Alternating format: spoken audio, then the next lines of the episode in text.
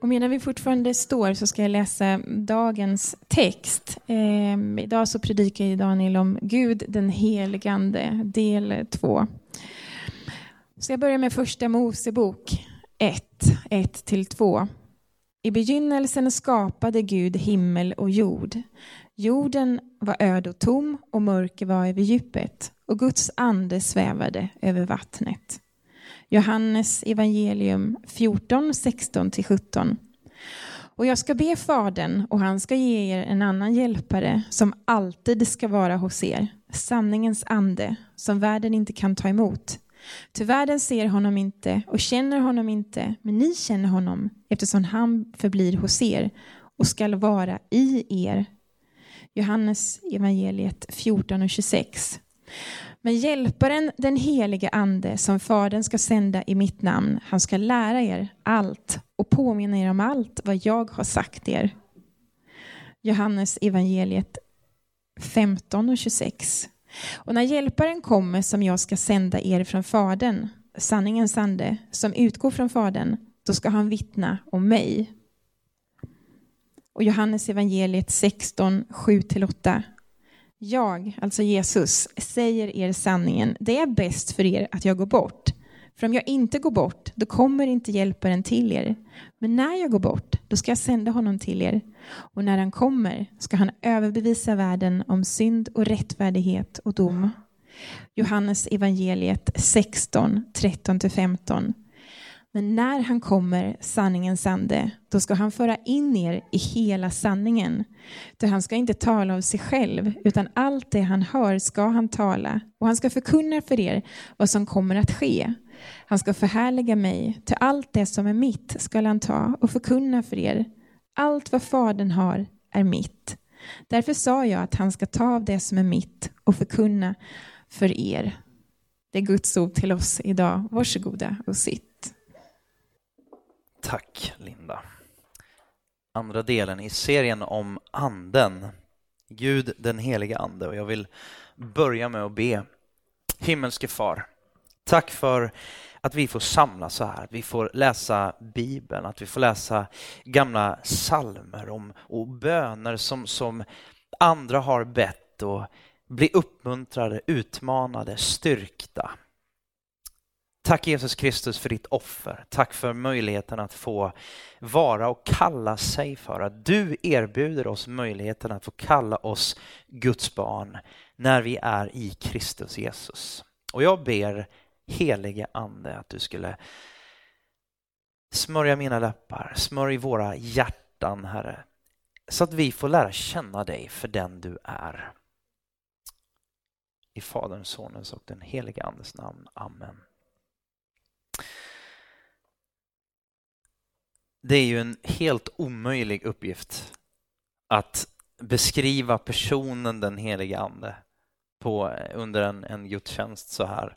Eh, och det kommer vi inte ens att försöka eh, göra till fullo naturligtvis, utan bara försöka att skrapa lite grann på ytan. Eh, men det finns så mycket där. Och eh, den helige Ande eh, låter ju lite mystiskt. Igår sa jag till någon The Holy Ghost som var liksom så lite äldre som man sa på engelska, Delia spöket. Jag vet inte, det funkar inte riktigt lika bra på svenska. Men eh, personen den helige ande. Eh, Gud den helige ande. Eh, jag har berättat den här storyn vid ett tidigare tillfälle för något halvår sedan. Sådär. Men, men eh, jag kände bara, det är en, jag känner så igen mig själv att, att och jag känner mig som, som min gamla Toyota Corolla från 1980 när jag lärde mig att köra. För min far var ju vis nog att för jag och min syster vi tog, skulle ta körkort ungefär samtidigt. Så han var ju klok nog att in, köpa in en Toyota Corolla som var fallfärdig kan jag säga, men den funkade ändå väldigt bra. Eh, och vi fick övningsköra den och inte pappas finbil. Smart. Tips till någon när man kommer dit sen då. Eh, som förälder. Så att, då, då körde vi den här och, och, och när jag jag, till min glädje då så tog jag körkort före syrran som är tre år äldre, så jag bara yes. Så, där, så fick jag ju köra omkring, så hon fick aldrig mer ha bilen, eller såg aldrig mer bilen. Typ så. Men, men det var ju en riktig skrotbil. Men, men eh, det var ändå härligt och fritt, eh, liksom, skapade ju frihet att, att ha den här bilen. Men man fyllde ju upp den så lite som det bara gick. För plånboken var ju, var ju, liksom, den var ju definitivt inte fet på den tiden när man gick i, i gymnasiet.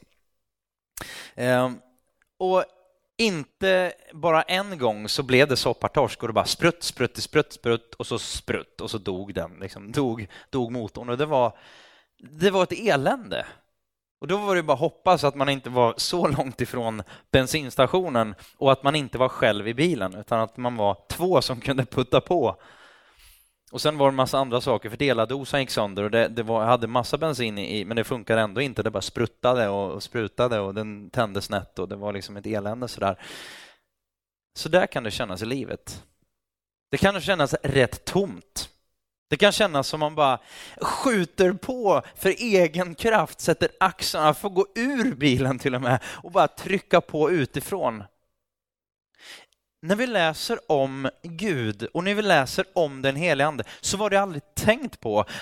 Det var aldrig tänkt så att vi skulle behöva gå ur bilen rent billigt då i våra egna liv. Utan tanken var att vi skulle vara fyllda med det här eller den här personen, den helige ande. Eh, har du tankat på i ditt liv det senaste? Och vad har du tankat med? Vet du vad jag gjorde? Vi har, en, vi har köpt en, en, en, en för första gången så har vi en dieselbil. Det är väldigt bra. Så länge man tankar den med just diesel. Vi hade skrivit på eh, ett viktigt papper och, och, gjort lite viktiga saker sådär. Och jag hade barnen i bilen och mitt My Brains var inte där. Det här var några veckor sedan, typ tre veckor sedan. Stoppar i en grön eh, bensin, vad säger man sån? Slang. Och bara Står och pumpar. Det är helt tomt. Det finns ingen diesel kvar. Bara står och pumpar. Och så när jag har liksom fyllt upp 55 liter. Då bara, mm, svordom. Vill jag göra i alla fall. För mer helgad än så är jag inte. Men, men i alla fall så, barnen var ju där så det gjorde jag inte. Men i alla fall så, annars hade jag så gjort det. Tog ut den där och så bara, lösningsorienterad som jag är, vad gör jag nu? Vad har du tankat på? Grejen var så här att jag visste bara någonstans bara, jag ska inte ens vrida på tändningen. Och jag sparade pumpen och jag sparade en del filter, jag sparade massa pengar på att inte göra det. Eh, men i alla fall så, så i allting, slutet gott, allting gott. Vi har tillbaka bilen en och en halv vecka, två veckor senare, något sånt skitjobbigt. Men i alla fall, det hjälper ju inte bara tanka. Utan frågan är ju vad du tankar med. Och kära vänner, en dieselbil funkar väldigt, väldigt dåligt på, på, på, på bensin. Den går sönder efter bara några minuter. Och grejen är att jag ser våra egna liv. Vi lever ju liv och vi tankar med all världens smörja. Vi tänker så här, men vi, oh, jag håller ut. Jag håller ut till, till semestern. Och bara kör järnet. Jag, jag, jag, jag, jag liksom kramar ur, jag, jag, stryper den här katten liksom fram till semestern. Eh, och sen tänker jag, sen kan jag bara, sen kan jag bara, bara vara. Kan jag kolla på, sen ska jag kolla på alla de här tv-serierna som finns på Netflix och allt vad de heter. Och så ska jag bara, jag ska bara äta och jag ska bara vara med vänner och så bara så här. Och väldigt mycket av det är ju väldigt bra, inte allt. Men det är ju väldigt mycket av det som är väldigt bra. Men vad fyller du ditt liv med? Vad fyller du på den här motorn? Jag tror att vi, vi går omkring och tror att det bara, nej men alltså, det behövs ju inte fylla på så mycket. Vi kör på egen styrka. Det är mest tomt, men, men vi, som vi, vi kör på ändå. Och jag tror så här att det var statistiskt sett så har kunskapsnivån ökat var hundrade år med så några procent. Det senaste århundradet har det ökat med typ 400 procent. Don't quote me on it, men det var så här. Och sen nu, nu bara accelererar och, och den fördubblas nu var tredje månad eller någonting. Alltså det, det är helt sjukt vilket skeende som vi är inne i i världen idag. Hur mycket mer borde inte vi behöva ha Gud i oss? Och jag tänker att vi sitter ju i samma båt och jag tänker predika för dig och de som lyssnar på det här på nätet kanske efteråt. Och jag tänker förutsätta att vare sig du tror, inte tror eller inte vet vad du tror så tänker jag förutsätta, jag tänker prata på ett sånt sätt som att du, jag förutsätter att du vill ha mer av Gud, mer förståelse av Gud. Och i min extremt naiva värld och från mitt, hade du bara vetat, hade jag bara förstått, för det gör jag uppenbarligen inte, hade jag bara förstått vem, vem Gud verkligen är, då hade jag velat ha mer av honom och mindre av allt det där andra som inte är bra för mig i alla fall. Så idag ska vi prata om hur du och vem det är som Gud vill fylla din tank med idag. Ehm, Saint Basil the Great, ett gammalt eh, citat, men han skriver så otroligt vackert och jag vill inte översätta från, från engelska utan jag läser på engelska, ni följer med. Om den helige Ande. What does the Spirit do? His works are ineffable in majesty, outgrundliga då, and innumerable in quantity. How can we even ponder what extends beyond the ages? What did he do before creation began? How great are the graces he showered on creation? What power will he wield in the age to come? He existed he pre existed, he co existed with the Father and the Son before the ages. Even if you can imagine anything beyond the ages, you will discover that the Spirit is even further beyond. Han är outgrundlig. Han är majestätisk. En fråga vi ställde i början av året, eller jag ställde i början, eh, i början av året, var lever du ett liv som inte skulle vara möjligt utan den helige Ande? Om den helige Ande, en klassisk fråga också, om den helige Ande försvann och lämnade jorden, hade det blivit någon stor skillnad för dig? I din familj, i ditt liv? Och då kan man ju tänka så här, men är det så viktigt att prata om liksom de här teologin och teorin och vem exakt sådär? Eh, ja, men jag tror så här att det, huvud, hjärta, händer någonstans. I huvudet, så som du tänker, tror du i ditt hjärta och som du tror i ditt hjärta kommer du att agera med dina händer i ditt liv. Därför tror jag att det är viktigt att ta med alla de, de bitarna. Och Vi ska börja med Gud den helige Ande då, som för det första här vi har konstaterat och som, som eh, Basil the Great sa också och konstaterade att, att vi har Gud Fadern, vi har Gud Sonen och Gud den helige Ande. Alltså Gud treenigheten, den treenige guden, det är en gud i tre personer. Vi har undervisat om det, Linda undervisade om det tidigare här under vår serie ifrån eh, trosbekännelsen. Så du kan gå tillbaka och lyssna på, på mer om det. Men, men, bara för det första att säga då, konstatera att den heliga Ande är verkligen Gud. Och jag ska komma till liksom varför det är så viktigt. Men för det första då, första bibelordet som Linda läste, första Mosebok 1, vers 1-2, alltså de två första verserna i Bibeln, så står det så här. I begynnelsen skapade Gud himmel och jord. Jorden var öde och tom och mörker var över djupet och Guds ande svävade över vattnet. Kul anekdot, det står hovered, men de flesta svenskarna läser hoovered, när det liksom, Guds ande hoovered over the waters. Det betyder ju dammsuga. Det är inte lika roligt. Men Eh, det, det första då, Gud den helige ande. Den helige ande är Guds livgivande ande. Vi, vi, läser i kapitel 2 i första Mosebok och det står så här. Herren Gud formade människan av stoft, av jord, från jorden och blåste in livsande i hennes näsa. Så blev människan en levande själ. Det här hebreiska ordet och originalordet då, ruach, ande. Det betyder liksom ande, det kan betyda vind och det kan betyda fläkt. Och jag tycker det är intressant för just de här tre orden, ande, vind och fläkt, har en sak gemensamt. Och det är att de i sig själva är osynliga, men de är väldigt påtagliga. Och därför tror jag att det, bes, det liksom beskriver en helig ande väldigt väl.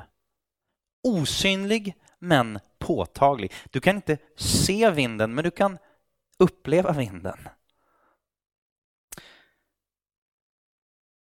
Guds övernaturliga kraft personifierad i en eh, ja, i Guds ande och i den helige ande.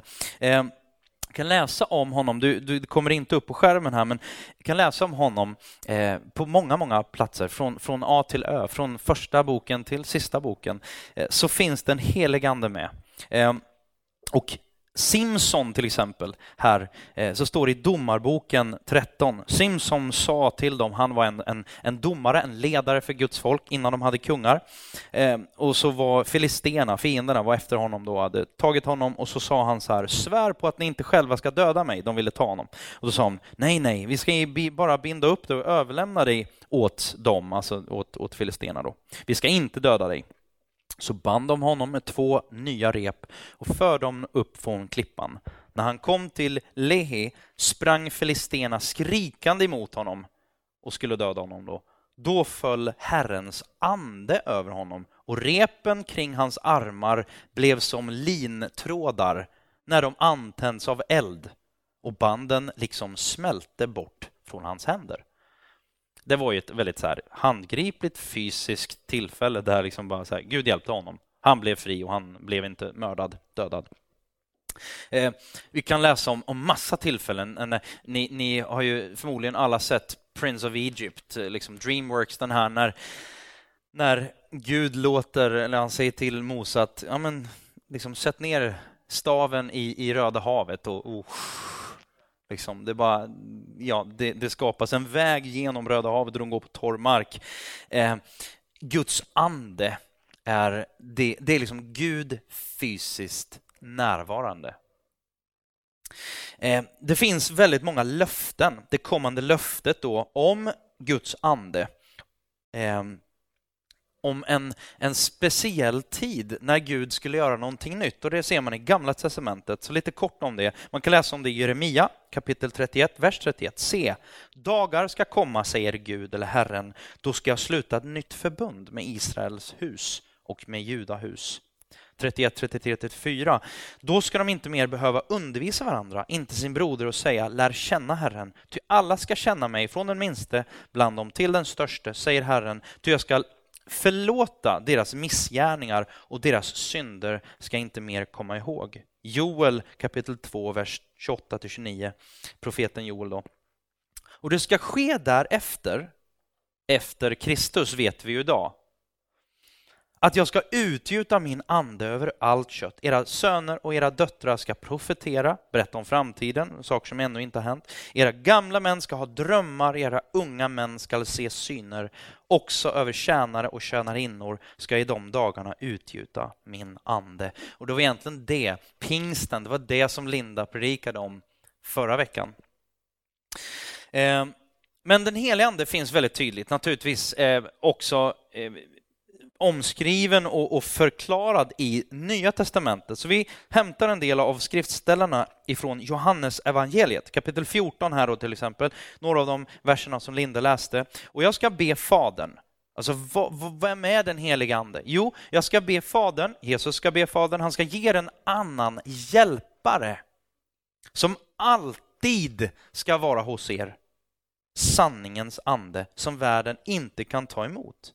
Ty världen ser honom inte och känner honom inte, men ni känner honom eftersom han förblir hos er och ska vara i er. Och Det här skriftstället är jätteviktigt därför att här kan man se att Jesus likställer sig själv med den helige Ande.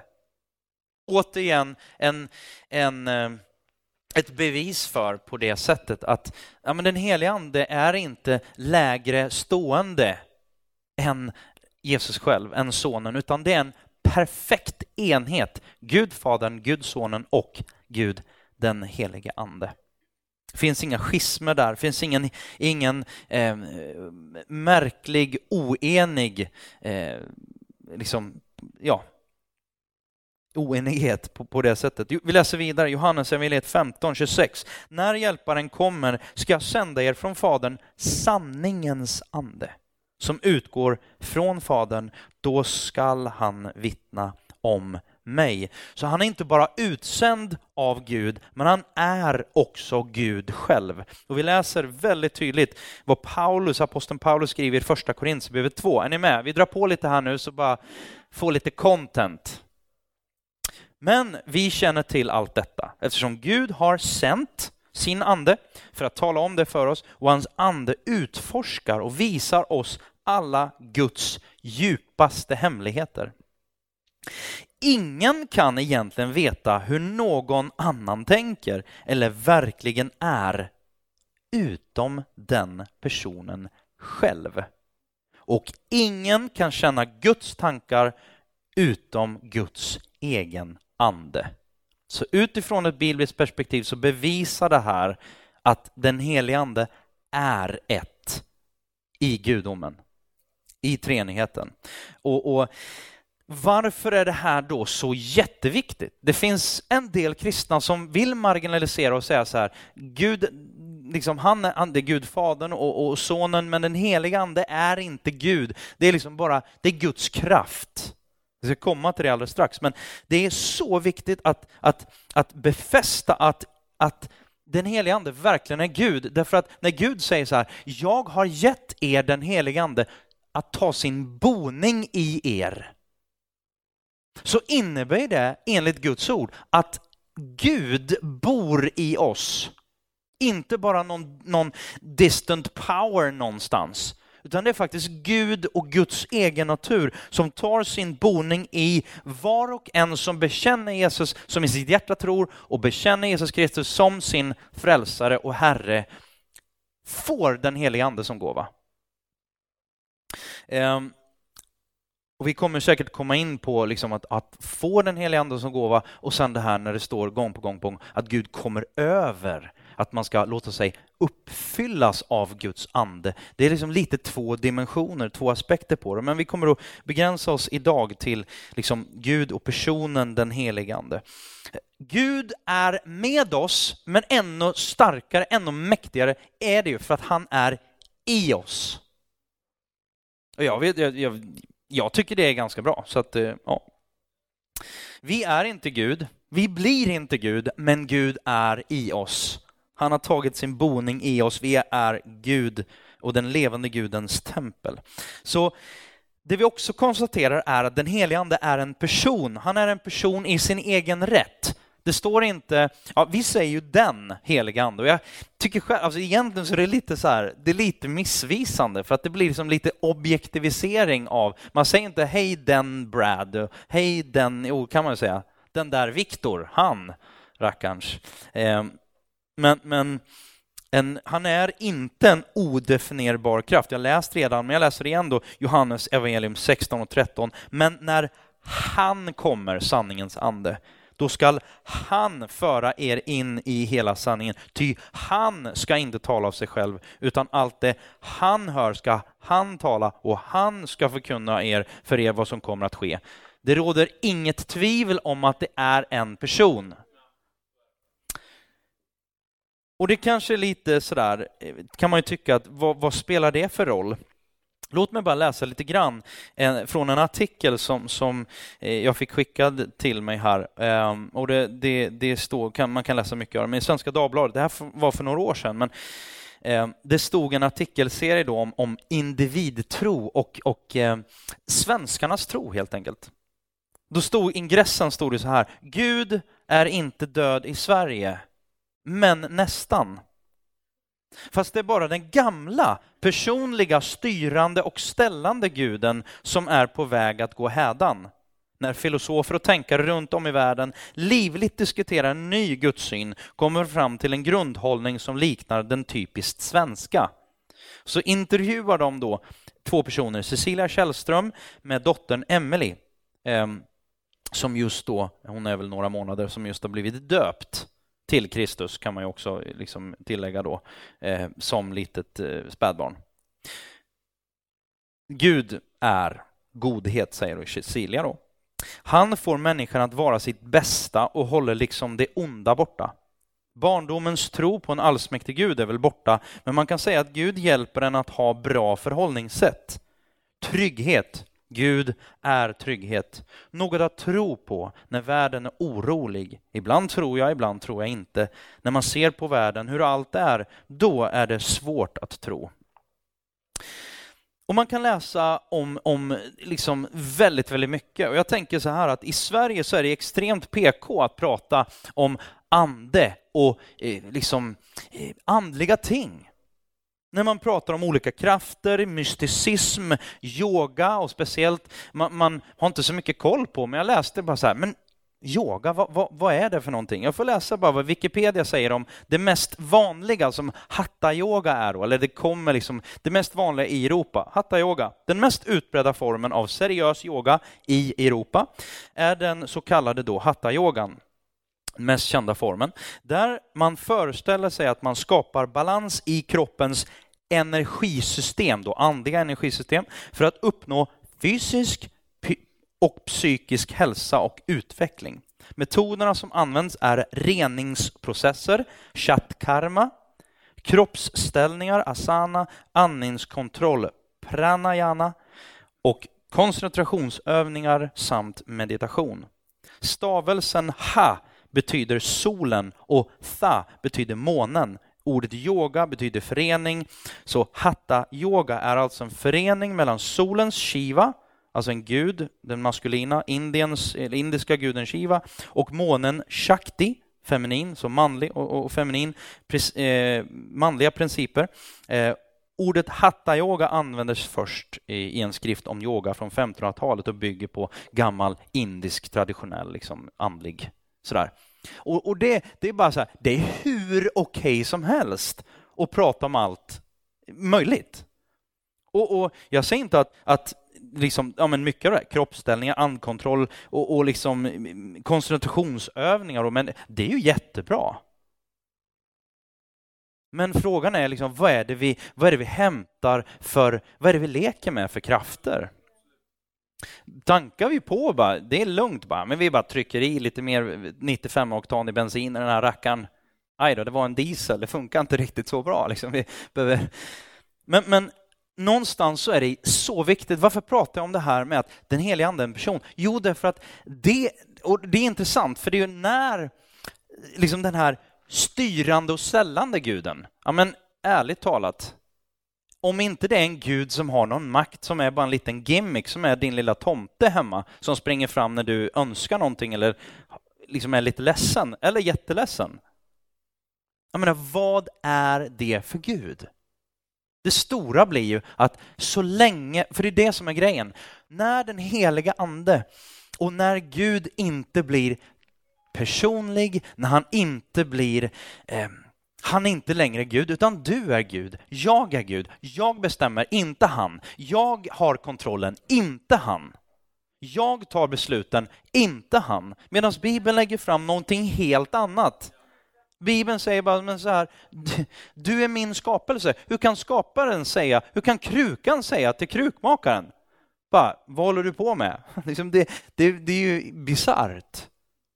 Och det här är ju långt ifrån politiskt korrekt. Det här är ju liksom skitjobbigt och det är därför det är så viktigt och, och, och, att det får bli lite jobbigt. För någonstans blir det så tydligt när han är en person och det står så här att han inte bara, han är inte bara en odefinierbar kraft, han talar. Eh, Han gör alla de här sakerna som en person gör. Han talar, han leder, man kan läsa om Johannes 16 och 13, han lyssnar, eh, han har känslor. Han kan bli bedrövad, det kan läsa om det i Efesierbrevet 4.30. Han tar beslut, första Korinthierbrevet 12. Han utforskar, första Korinthierbrevet 2. Han lär ut, första Korinthierbrevet 2 också. Det är så viktigt att det är en person och han vill, och Gud vill utgjuta och ingjuta sin ande i oss. Är ni med? Den helige andes uppdrag då, vi har ju kommit in lite grann på det, men Johannes 16 säger så här. Jag säger i sanningen, det är bäst för er att jag går bort, ty om jag, går, om jag inte går bort kommer inte hjälparen till er, men när jag går bort då ska jag sända honom till er. Och när han kommer ska han övervisa världen om synd och rättfärdighet och dom, för deras synd består i att de inte tror eller litar på mig. Eh, när jag läser det här så tänker jag så här, du kanske eh, sitter där som bara, nej men jag, jag, jag tror ju på, på Gud, ja tror ju liksom att ja men mycket av, av Bibeln, det, det verkar make sense. Och den heliga ande, ja men det är ju liksom, ja men absolut, ja, jag, jag köper det. Men om, om ni fick välja, om du är den som bara, ja men jag, jag tror, jag, jag tror på Gud, jag tror på Jesus Kristus, jag tror på den helige Ande. Och fick du välja då? Skulle du vilja ha Jesus Kristus här egen hög fysisk person, precis som lärjungarna? Eller det här som han säger då, jag ska ge er min ande. Så tror jag att innerst inne skulle väldigt många av oss välja så här, jag skulle vilja ha Jesus här. Jag kan ta på honom, jag kan liksom Men Jesus säger att det är bättre för oss att han inte är här fysiskt, utan att han har gett sin ande med oss. Litar vi på Gud? Och om vi litar på Gud, vad gör vi då för att tillgodogöra oss det här då? För någonstans kan man, om man väldigt så här förenklar det, så handlar väl egentligen den heliga ande om, det handlar om att, att han tar, han får vara med, eh, Jesus har fullbordat, liksom, eh, han säger ju det när han hänger på korset, det är done, det är finished, det är fullbordat. Men det är ju ännu inte helt klart. Matchen är vunnen, men den är inte slut än.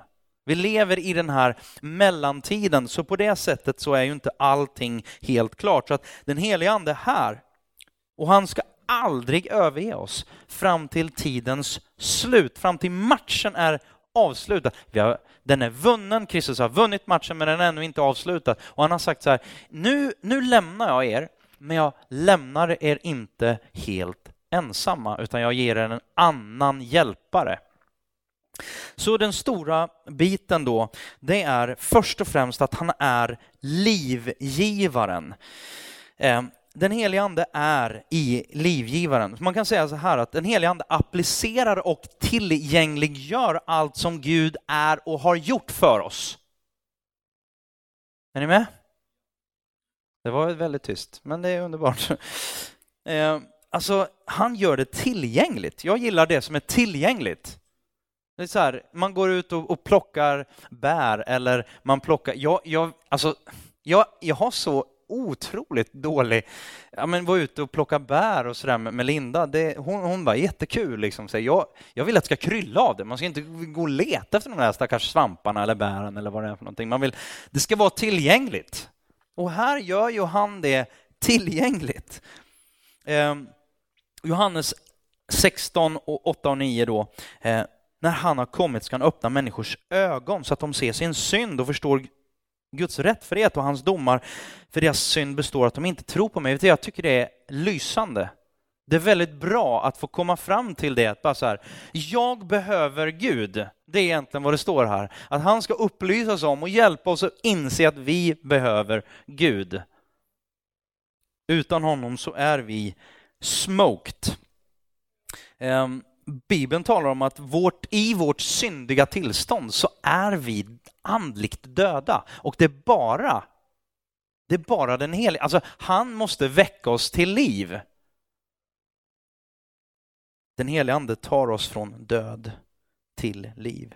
Efesierbrevet 1, 18-20. Jag ber att ni ska vara öppna för hans vishet så att ni kan se någonting av den framtid han har kallat er till att dela med honom. Jag vill att ni ska förstå hur rika vi har blivit genom det som Kristus har gjort för oss. Jag ber att ni ska inse hur otroligt stor hans makt att hjälpa dem som tror på honom. Det är samma mäktiga kraft som uppväckte Jesus från de döda. Man skulle kunna skriva det samma mäktiga ande som uppväckte Jesus från de döda och som satte honom på hedersplatsen vid Guds högra sida i himlen. The bad news är att vi är andligt döda utan honom. The good news är att Gud, den helige ande, gör oss levande. Han är livgivaren. Han är också hjälparen. Jesus säger jag ska be Fadern, han ska ge en annan hjälpare som alltid ska vara hos er. Sakarja 4 och 6. Inte genom någon människas styrka, inte genom kraft, utan genom min ande. Ser ni bilen där som har tagit slut och bara puttar på, så kommer någon annan och bara kör förbi. Bara, Hej, det är liksom fullt i min tank. Kanske slänger ut den här uh, boxerlinan och, och dra med karln då som, som eh, kämpar lite grann. Men på något sätt, det är ju det, det ska inte ske genom någon människas styrka. Vi ska inte leva bara i oss själva, utan genom Guds ande. Guds heliga ande är med oss in till tidens slut. Han är hjälparen. Han hjälper oss, han tröstar oss, han är advokaten i vår kamp mot fienden. Och vår absolut största fiende menar både jag och jag tror även Bibeln kan skriva under på det beroende på, men det är ju ingen annan än jag. Och jag är förhoppningsvis inte din största fiende utan du är det. Men det är inte ja, djävulen, absolut, åklagaren, anklagaren. Men jag tror att den största kampen som utspelar sig, det är din och min kamp i oss själva. Mot skuld, mot skam, mot en massa saker, fördömelse. Och den heliga ande kommer alltid, han pekar alltid på Kristus. Din och min försvarsadvokat. Som har betalt priset och driver din talan inför Fadern, inför Gud. Första Johannes 2.1. Mina barn, detta skriver jag till er för att ni inte ska synda. Men om någon syndar har vi en som för vår talan inför Fadern, Jesus Kristus som är rättfärdig. Och det är Kristi ande som vi har fått del av. Ehm, han är med dig och mig mitt i kampen, mitt i striden, varje dag. Han är också helgaren och det här kommer Linus gå, eh, jag kommer gå in på det lite mer eh, nästa vecka och så kommer eh, gåvogivaren in om två veckor. Men lite kort om, om just helgaren och, och, och gåvogivaren. Eh, när han har kommit, Johannes 16, när han har kommit ska han öppna människors ögon så att de ser sin synd och förstår Guds rätt för det att hans domar. För deras synd består att de inte tror på mig. Och så ska vi då, eh, ska vi gå och bli lite uppåt nosade och lite så här duktiga. Och, och eh, nej, däremot ska vi växa i karaktär. Växa i Kristuslikhet. Jag sa att jag skulle tala till dig som att du vill ha det här. Är du med? eh, att vilja växa i Kristuslikhet, vem vill inte det?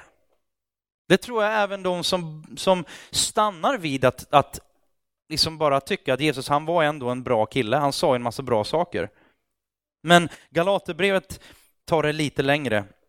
Galaterbrevet 5, 22-23, vi kommer att gå djupare i det här nästa vecka då. Eh, men den helige ande får behärska våra liv. Men när den helige ande får behärska våra liv skapar han ett helt annat slag av frukt i oss.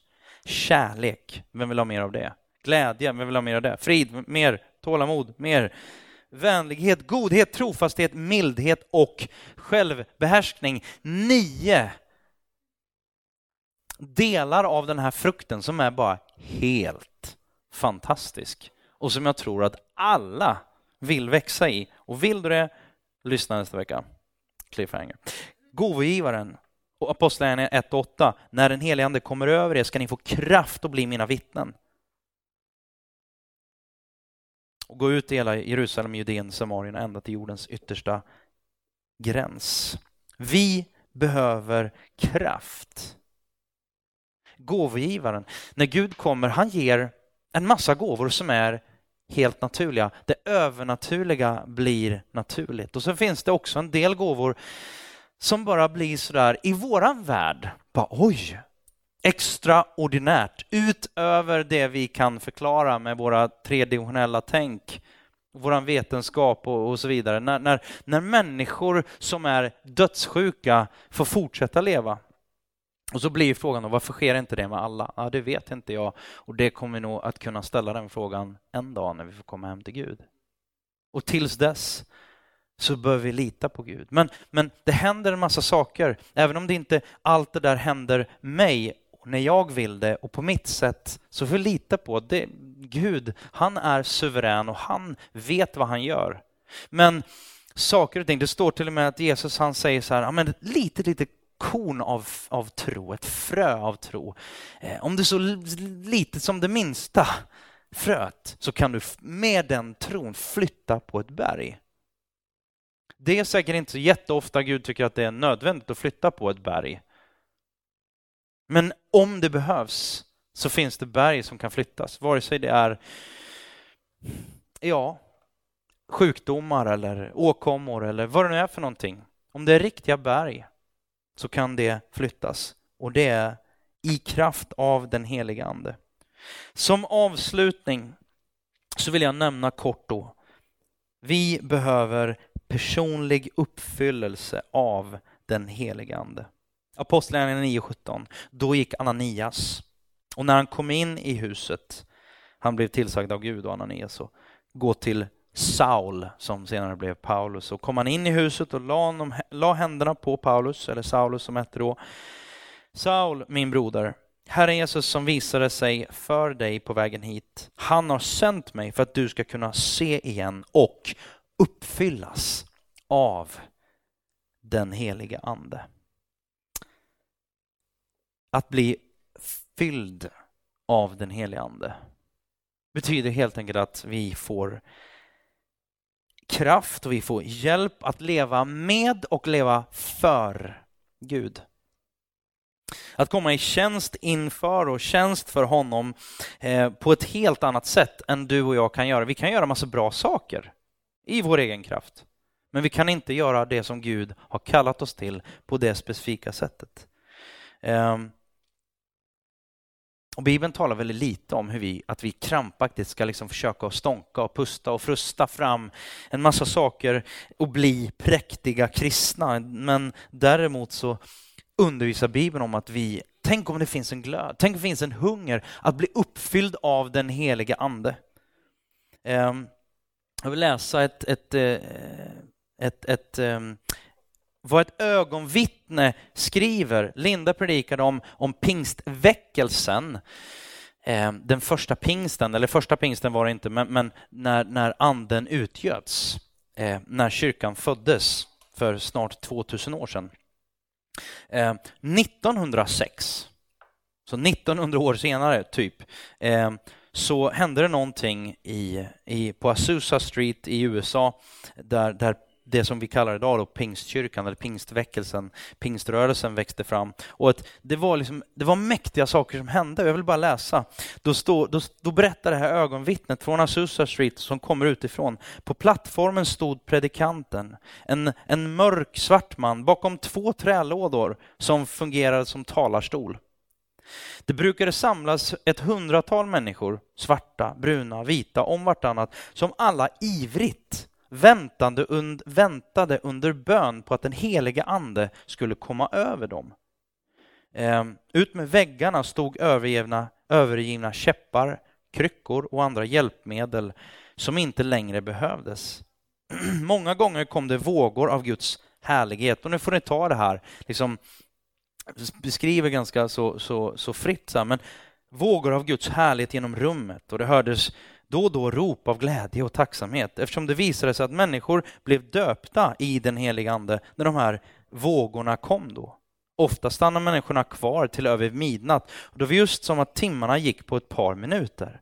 Efter en sån här våg brukade rummet fyllas av många röster som talade olika språk och sen kunde helt plötsligt en helig tystnad infinna sig. Många fick se syner från Herren. Åh, vad jag älskade dessa stunder att ropa och prisa Herren.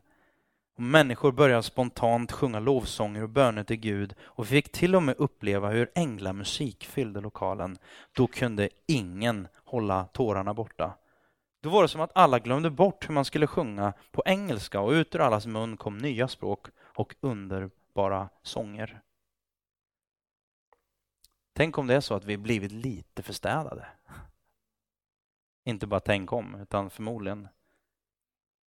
Det finns ju självklart liksom det här sökandet. Under, under 1900-talet och efter det här så finns det många som har sökt de här upplevelserna. Det finns väldigt lite, det finns faktiskt ingenting av det som Bibeln uppmuntrar att man ska söka de här känslosvallen. Eller, men det är klart att när du blir kär så är det ju förhoppningsvis ett tungt, djupt beslut om du liksom inför ett bröllop till exempel så är det inte bara taget för att du har fjärilar i magen varje gång du vaknar. Because one day it might not be there liksom. En dag när du vaknar. Självklart har ju jag och Linda aldrig varit med om det. Vi har ju fjärilar i magen varje morgon när vi vaknar. Men alla andra menar jag. Eh, det handlar väl om ett beslut. Men det är klart att om det aldrig infinner sig några känslor, då är det också lite surt. Lite stelt. Och i, i relationen med Gud så handlar det väl om en kärleksrelation där Gud bjuder in oss och vill att vi ska vara del av, av hans liv. Och han vill ge oss av sitt liv, av sin ande, av sin, sin ruach. Låt oss inte söka gåvorna utan gåvogivaren. Men låt oss söka honom. Det vill jag säga som avslutelse och så vill jag be kort. Himmelske far.